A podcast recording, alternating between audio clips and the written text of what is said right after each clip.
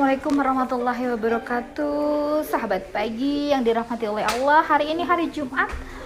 Jumat barokah Sudah pada bersalawat di hari Jumat. Mudah-mudahan sudah semua ya. Saya doakan semoga pendengar podcast Diberikan barokah ilmu Barokah rezeki Barokah umur Ya. Semuanya mudah-mudahan diberikan keberkahan Dengan terus takarub Allah amin ya rabbal alamin. Sebelumnya auzubillahi minasyaitonirrajim. Bismillahirrahmanirrahim. Allahumma sholli ala sayyidina wa maulana Muhammadin sallallahu alaihi wasallam. Uh, belum lama ini ya kita ini sekarang kondisinya sedang disibukkan oleh berbagai macam hmm, berita berita yang kita nggak tahu ya seperti apa kebenarannya. Yang pasti situasi kondisinya semua kalau sekarang ini apa sih yang kita bisa percayai dari sebuah berita di media sosial? Dari awal dari awal di sekitar tahun yang lalu ya, di sekitar bulan Februari kita dikejutkan oleh sebuah hoak-hoak yang belum tentu kebenarannya dan itu sangat bombastis sekali berefek kepada seluruh dunia.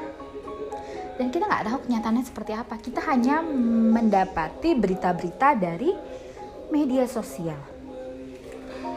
Wallahu alam kita hanya bisa uh, membaca merenungi berpikir apakah itu menjadikan sebuah uh, hal yang berpengaruh buat kita atau enggak ya itu kembali lagi kepada penafsiran masing-masing dilandasi oleh keimanannya juga masing-masing.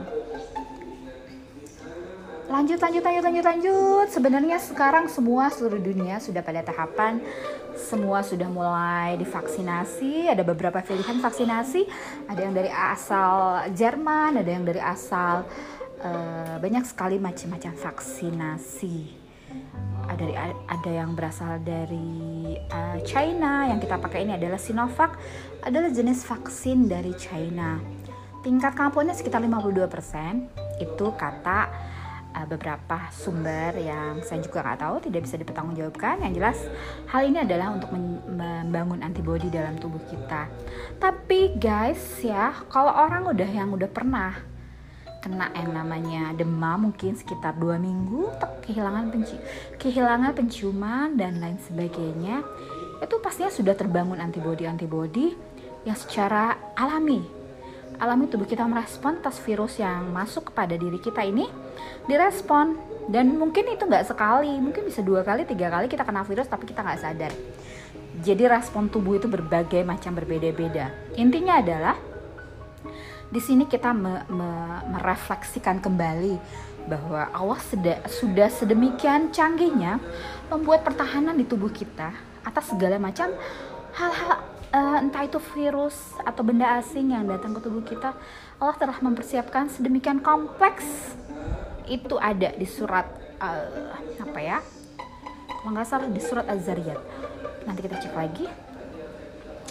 Jadi untuk yang bingung mau vaksin atau enggak gitu ya itu berpulang lagi kepada individunya masing-masing karena karena kita ketahui bahwa yang berefek kepada kita itu bukan masalah vaksinnya.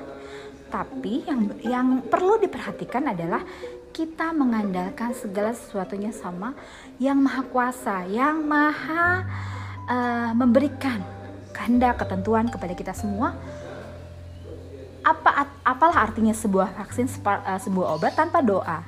Jadi bagi yang ingin vaksin ya berdoa dulu sebelumnya. Mudah-mudahan ini menjadi vaksin yang super canggih super keren dibanding vaksin-vaksin yang lain. Itu karena kenapa? Karena ketentuan Allah pastinya. Jadi kita nggak bisa nggak bisa ya uh, jadi obat satu obat dua obat tiga itu yang menentukan Allah. Kita hanya perlu berdoa mudah-mudahan apa pun yang kita putuskan terhadap keputusan diri kita ya balik kembalikan lagi kepada Allah.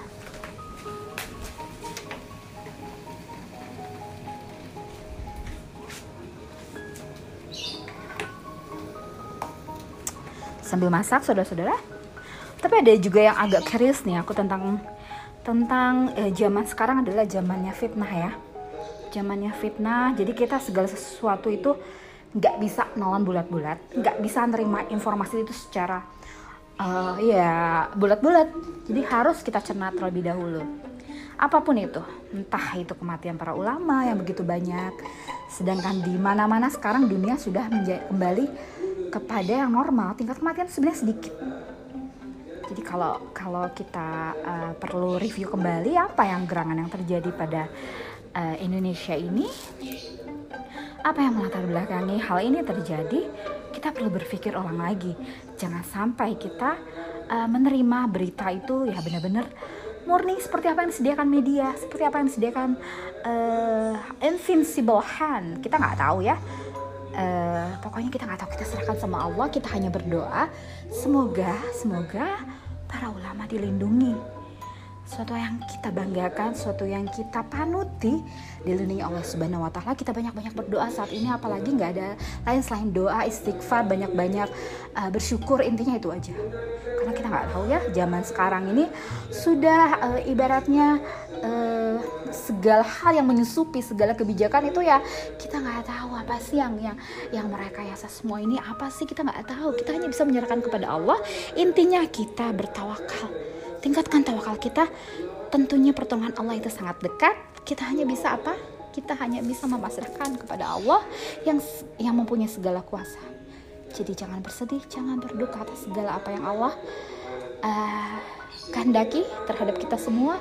Intinya adalah uh, jiwa-jiwa uh, yang tenang yang telah dipanggil oleh Allah Subhanahu wa taala menjadi bagian daripada uh, suatu hal yang indah, suatu hal yang Allah telah pilih men, uh, menjadi para syuhada, menjadi para pahlawan yang uh, pastinya kematian mereka tidaklah cuma-cuma.